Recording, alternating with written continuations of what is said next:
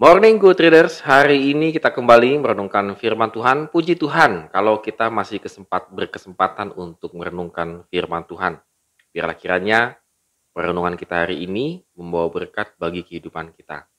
Dan kita akan membaca dari 2 Tawarikh 36 ayat 1 sampai dengan yang ke-23.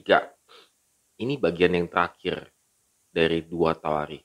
Jadi kita sudah menyelesaikan uh, berapa kitab ya, saya jadi lupa Kita dari hakim-hakim sampai dua tawarih, puji Tuhan.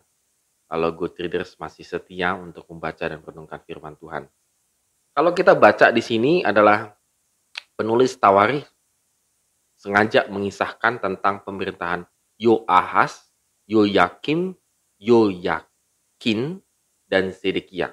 Yoyakim, Yoyakin. Jadi jangan sampai salah-salah ya, ketukar-tukar ya.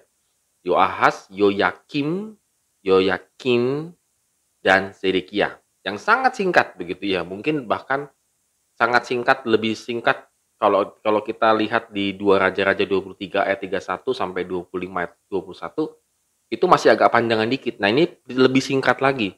Dua Tawarikh menuliskan kisah empat raja ini. Kalau kita lihat kisahnya Zedekia, ada tambahan mendetail yang tidak ada dalam dua raja-raja. Dan tanggapan itu uh, tambahan tersebut itu lebih ke arah negatif. Jadi penulis dua tawari ini mengangkat kisah-kisah raja ini dengan pandangan yang cukup negatif. Yang pertama, semua raja tersebut dikategorikan sebagai tiran. Itu tiran itu ya tirani ya, memerintah dengan tangan besi dan seterusnya. Ayat 3, 5, 9, dan 12. Hal ini tampak dari kalimat melakukan apa yang jati mata Tuhan Allahnya. Kedua, Para raja itu mendapatkan hukuman Allah dan dibuang ke negeri asing. Kecuali Yoyakim yang wafat, yang tewas ya sebelum dibawa ke Babel. Ketiga, tingkat kejahatan Raja Zedekia diceritakan sangat detail ketimbang raja-raja sebelumnya. Contohnya, ia tidak menghormati Nabi Allah, menajiskan bait suci, membawa bangsa Israel menyembah berhala, memberontak kepada Raja Nebukadnezar, mengeraskan hati untuk tidak bertobat, dan lain sebagainya. Nah, akibatnya Tuhan menghancurkan mereka tanpa belas kasihan.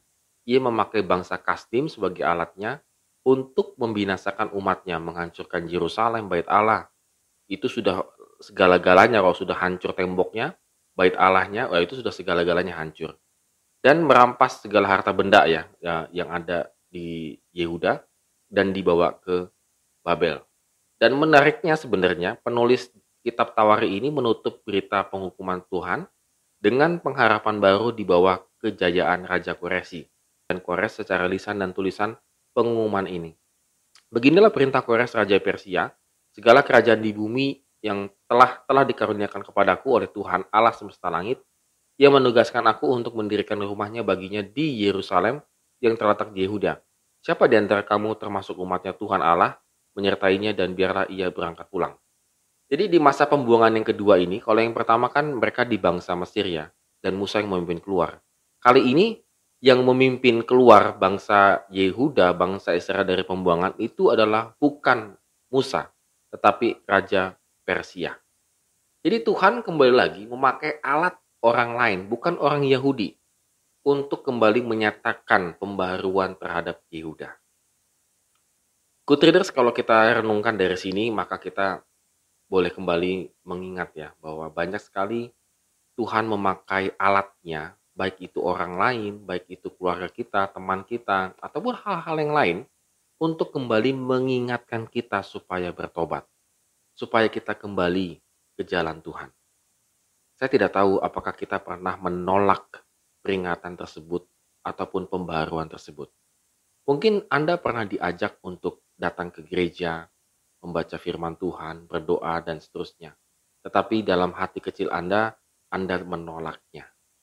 Oleh karena itu, good readers, jangan sampai terjadi hal itu dalam kehidupan kita. Kalau masih ada kesempatan untuk kita memperbarui hidup, mari kita gunakan. Apalah artinya ketika kita ingin memperbarui hidup kita, padahal nafas itu sudah di ujung kehidupan kita. Tidak akan ada artinya. Oleh karena itu, selagi masih ada waktu, mari kita memperbarui hidup kita. Dan Tuhan akan memakai siapa saja untuk memperbarui kehidupan kita. Amin. Have a nice day and God bless us.